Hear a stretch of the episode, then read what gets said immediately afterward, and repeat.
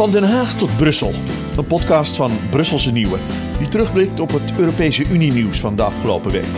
Want welke Europese wetten komen eraan die we in Nederland gaan voelen? En hoe proberen Nederlanders in Brussel hun punten binnen te halen? Van stikstof tot migratie, van spoorlijnen tot waterstof. Jasper Roorda kijkt door een Nederlandse bril naar de laatste Brusselse ontwikkelingen. Welkom en leuk dat u luistert naar deze eerste aflevering van Den Haag tot Brussel. We beginnen deze week met klimaatdrama. Want een van de grootste doorbraken op dat Europese klimaatdossier is ineens op losse schroeven te komen staan. Het was de bedoeling dat er in de Europese Unie tegen 2035 geen auto's meer verkocht zouden mogen worden met een klassieke verbrandingsmotor, dus zeg maar auto's die gewoon CO2 uitstoten, om ons zo allemaal op elektrisch rijden te laten overschakelen. De lidstaten en het Europese parlement hadden hier al een soort voorakkoord over, maar op het allerlaatste moment is daar toch ophef over ontstaan. Ik bel naar Bijou van der Borst, onze collega bij Brusselse Nieuwe die het klimaatdossier volgt, om te vragen hoe de vork juist aan de steel zit.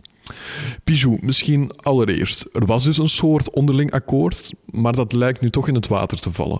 Hoe, hoe zit dat nu juist?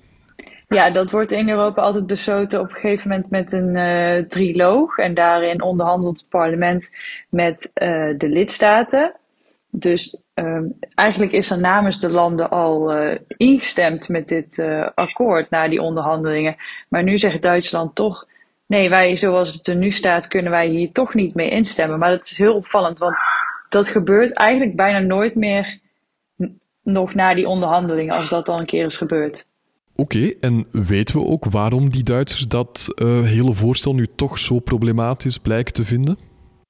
Uh, ze hebben altijd al wel een beetje moeite gehad met dit voorstel. Want ja, Duitsland, uh, autoland, um, ze verdienen ook natuurlijk heel veel geld aan de autoproductie. Um, ze wilden al eerder dat er een uitzondering zou komen dat auto's die op synthetische brandstoffen zouden rijden ook uh, zouden mogen. Uiteindelijk is dat niet doorgegaan.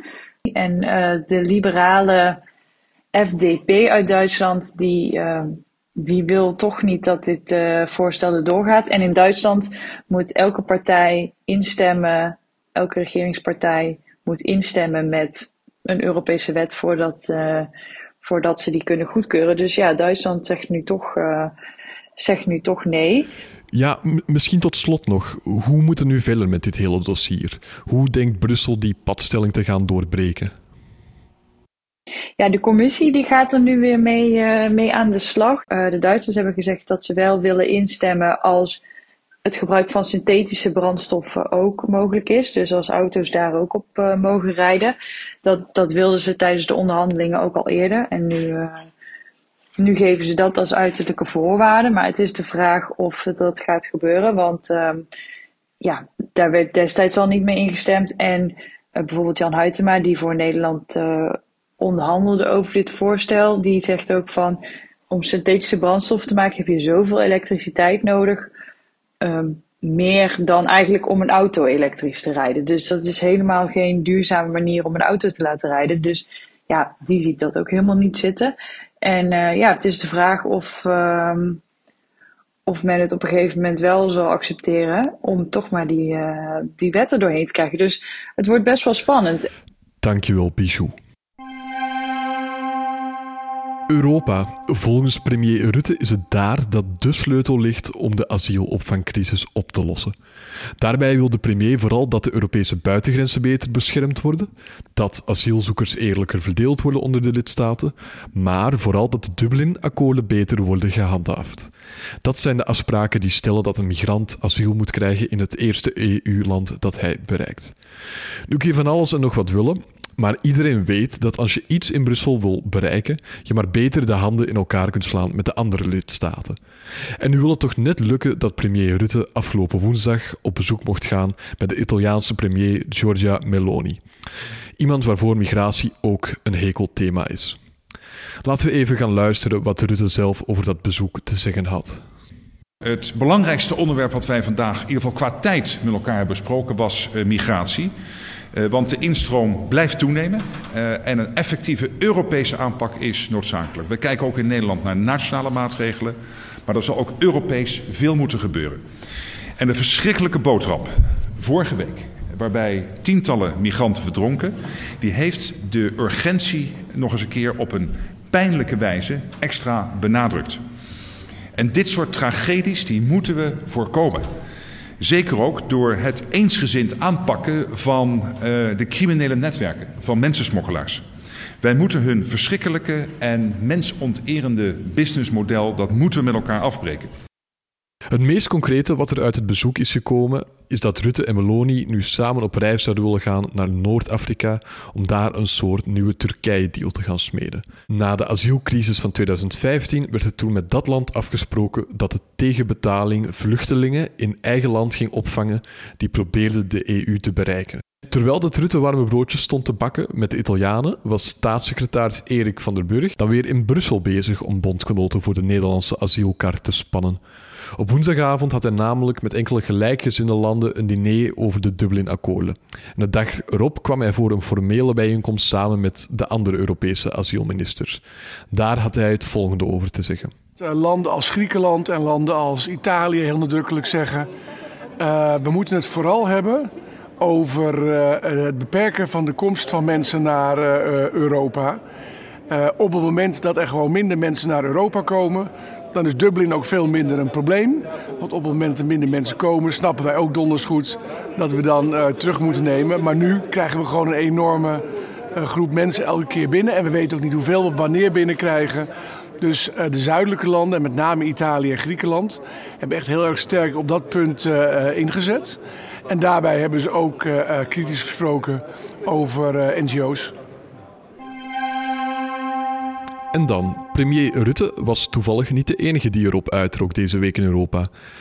Koning Willem-Alexander en koningin Maxima die reisden deze week namelijk af naar Slowakije.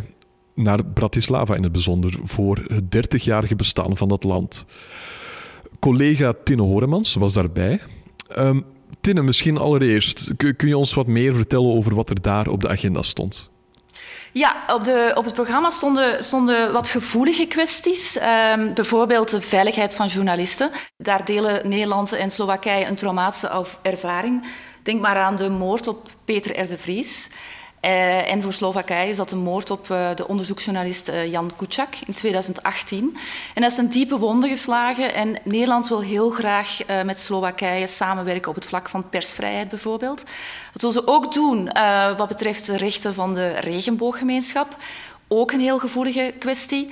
Um, daar is een recente moordaanslag te betreuren. Um, in oktober vorig jaar op bezoekers van uh, Café Teplaren, de thuisbasis voor uh, deze gemeenschap in Bratislava. Een 19-jarige student heeft daar het vuur geopend en twee mannen om het leven gebracht. En het is in dat café uh, waar het koningspaar op de eerste dag van het staatsbezoek, woensdag dus, een bezoek heeft gebracht. Um, en dat waren ook, uh, daar waren dan familieleden en vrienden van de twee vermoorde mannen aanwezig. En dat bleek een piepklein café te zijn, amper 10 vierkante meter. Dus iedereen zat heel dicht bij elkaar, haast bij elkaar op schoot. Oké, helder. Ik had ook vernomen dat jullie daarna nog uh, uitgenodigd waren voor een mooi concert. Als je daar dan bent op zo'n avond, zie je dan ook nog aparte dingen of, of hoe gaat het er daaraan toe? Ja, um, ja, tijdens de receptie na het concert natuurlijk de Nederlandse koning en de Nederlandse koningin zelf. Uh, want die waren er ook tijdens de receptie. Maar die heb ik niet kunnen spreken, want uh, er stond voortdurend een hele hoop mensen omheen. Ik heb helaas ook geen foto's samen met de koning of de koningin. Maar ik heb wel enkele foto's en filmpjes samen met lakeien van het Koningshuis. En dat vond ik echt apart. Die worden ook ingevlogen. Dus dan zou je kunnen denken, ah, wat een dure zaak. Maar dat moet, want zo toon je als land je respect voor een ander land.